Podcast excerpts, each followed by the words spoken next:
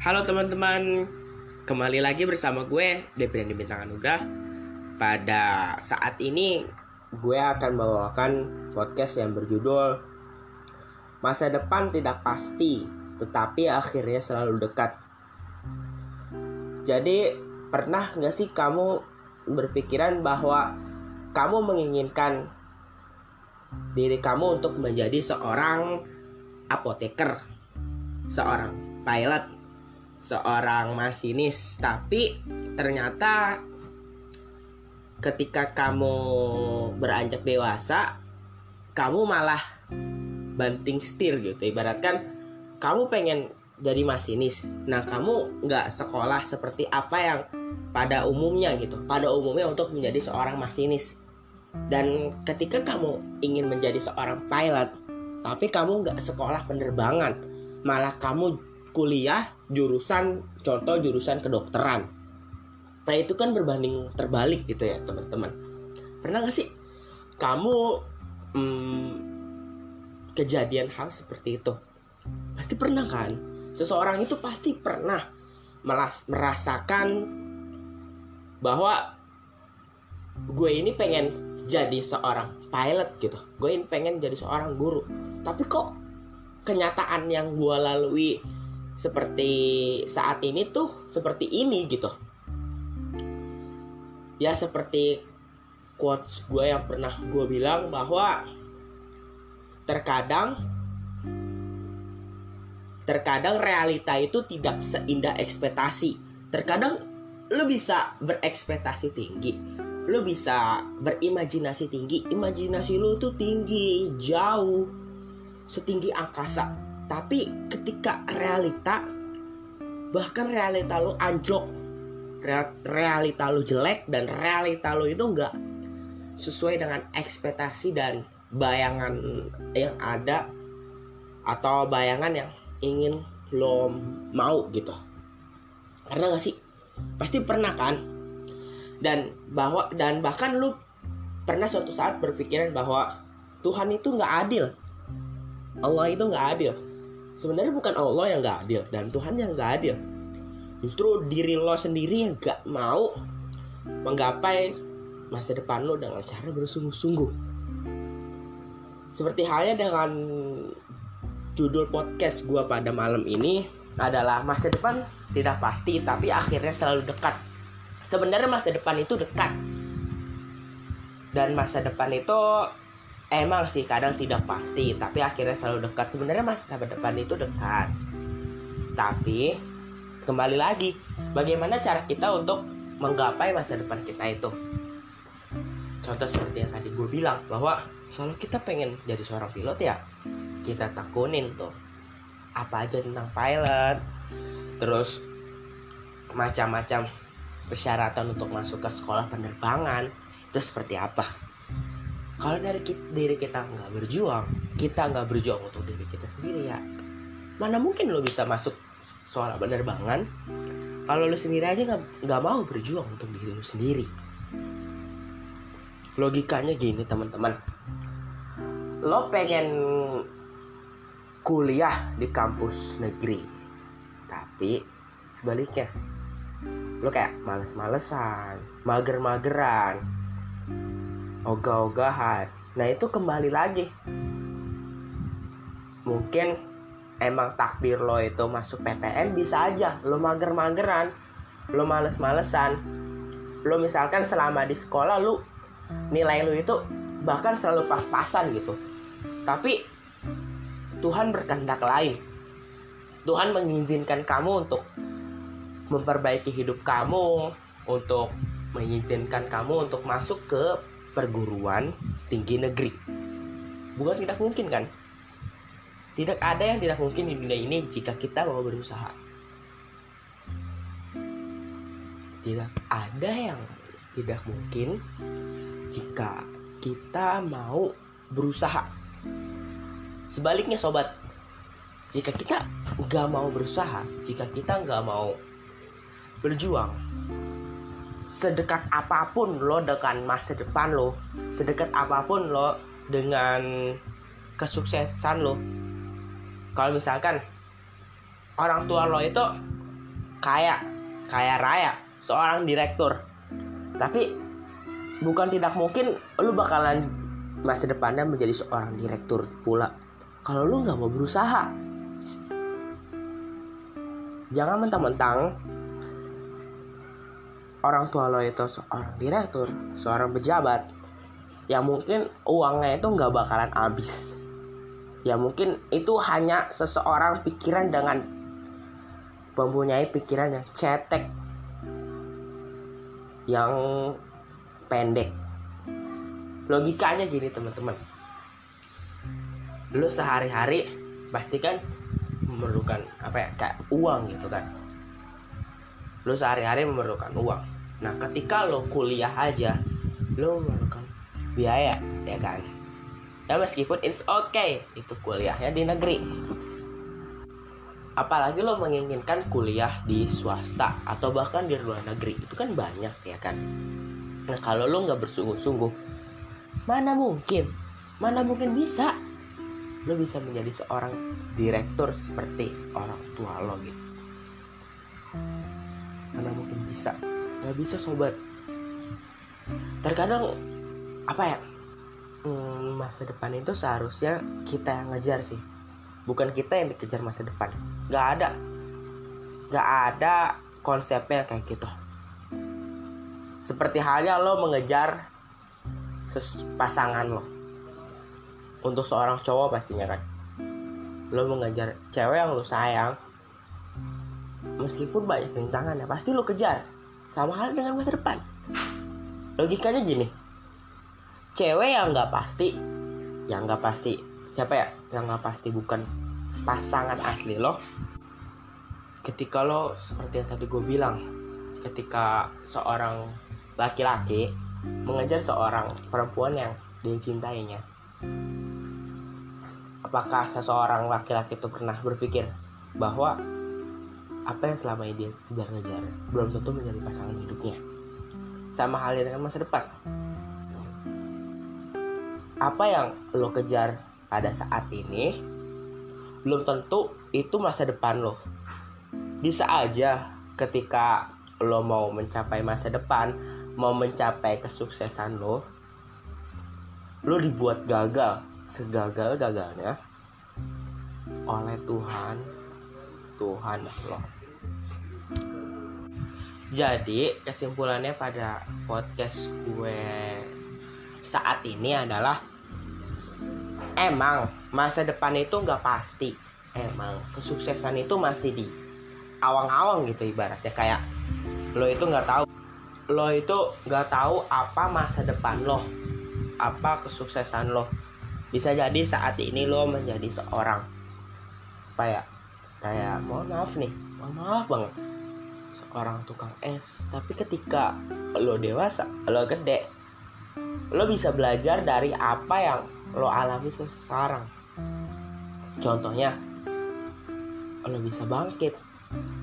Bahkan pada saat sekarang pada saat zaman sekarang bukan menjadi hal yang wah bagi atau menurut gue seorang anak desa seorang anak desa lahir dari desa terpencil dia bisa menjadi direktur bahkan mempunyai saham terbesar di Indonesia.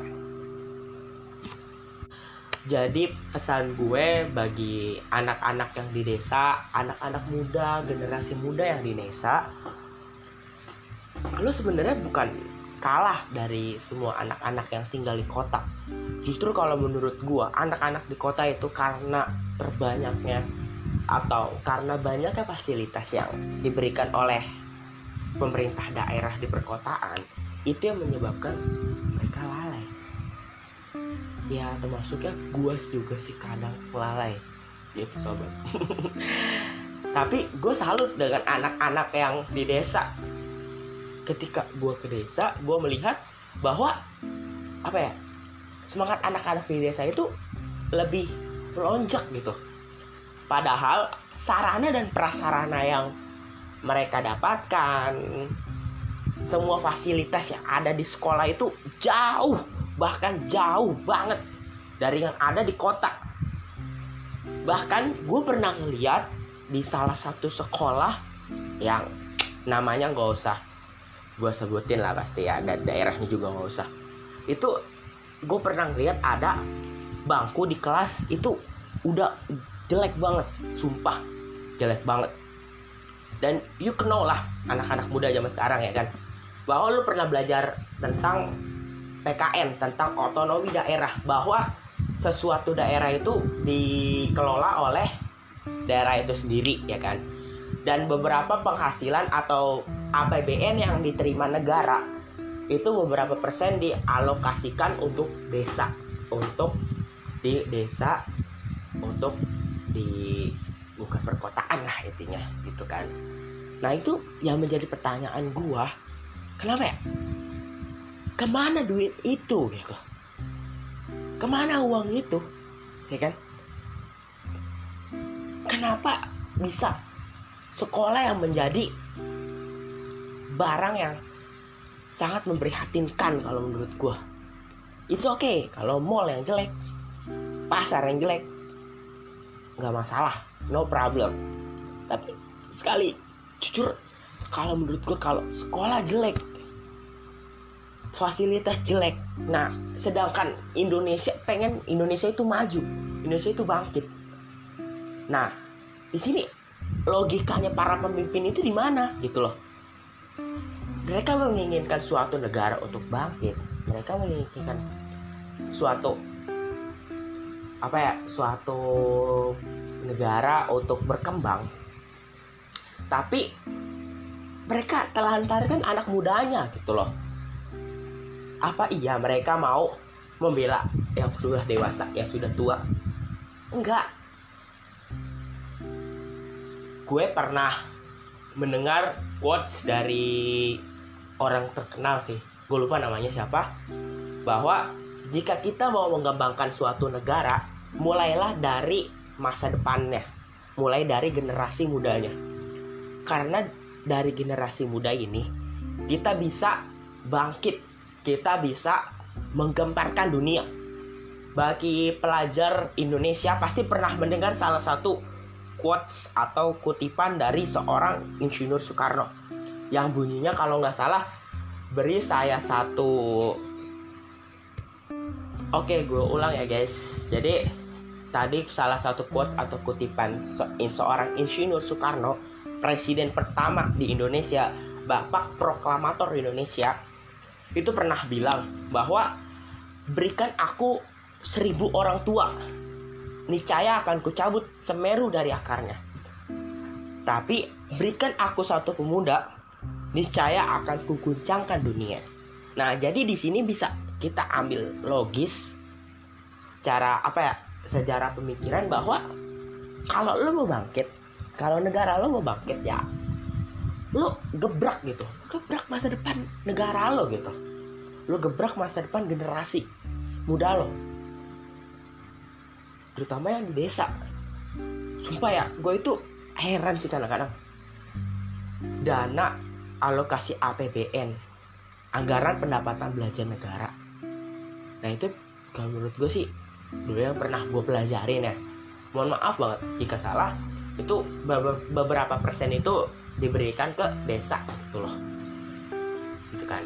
Dan contoh pada saat sekarang nih zaman COVID-19 pemerintah pusat memberikan bantuan mungkin ya gitu kan.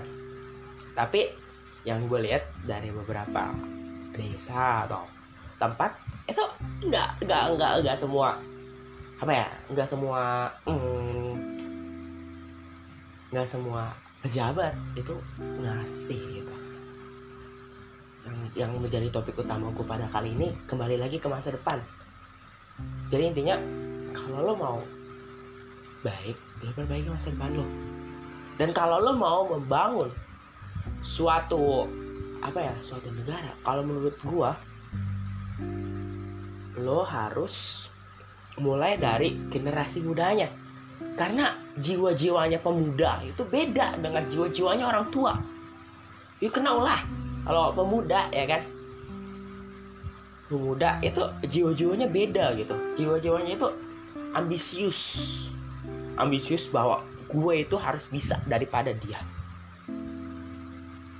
Sebenarnya anak desa dan anak kota sebenarnya kalau saat sekarang itu gak jauh beda sih. Bahkan bukan tidak mungkin bisa seorang anak desa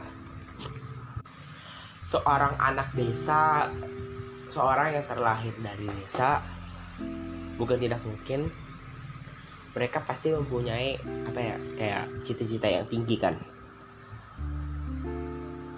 Bahkan bisa jadi apa ya seorang anak desa itu mempunyai cita-cita yang setinggi langit. Kayak contohnya sekarang presiden kita yang ke tujuh Insinyur Haji Joko Widodo. Kayak beliau itu berasal dari desa gitu uang desa uang Jowo tapi kenapa dia bisa punya presiden? Tapi kenapa mereka beliau bisa memegang kedudukan atau menjabat sebagai presiden Republik Indonesia? Coba teman-teman di sini kalau ada yang ketemu Pak Jokowi kalau bisa coba tanya apakah beliau itu pernah mimpi? Kalau menurut gue itu enggak gitu. Kenapa? Ya gimana ya intinya kalau menurut gue ya tergantung dari manusianya sih. Gitu. Gimana ya kalau mimpi tanpa perjuangan itu sama aja nggak ada nggak ada nggak ada gunanya. Gitu. Sama seperti dalam kita organisasi. Kalau kita ada anggota yang aktif anggota yang responsif anggota yang fast respon tapi sebaliknya kalau kita mempunyai organisasi yang anggota yang aktif responsif tapi ketua wakil dan bendahara atau sekretarisnya itu off slow respon mageran. Slow respon mageran lama balesnya bahkan off. Kalau menurut gua organisasi itu nggak bakal berjalan. Kenapa? Karena kalau menurut gua pemimpin itu yang paling utama gitu loh. Kalau pemimpin gak bermartabat pemimpin gak yang bertanggung jawab gak layak dijadikan pemimpin gak guna. Itu loh. Di sini gue bukan pengen rendahkan seseorang sih ya tapi kalau menurut gue sih kayak gitu. Gimana ya? Pandai-pandailah dalam mencari pemimpin yang bisa diandalkan pemimpin yang berwibawa. Intinya sih berwibawa. Karena kalau pemimpin gak berwibawa mau dibawa ke mana? Organisasi yang mereka pimpin gitu loh. Mereka memimpin diri sendiri aja nggak bisa. Apalagi memimpin orang banyak. Ya kan? Logikanya begitu. Mungkin itu aja sih sobat. Apa ya podcast pad gue pada malam hari ini kurang lebihnya mohon maaf. Selamat malam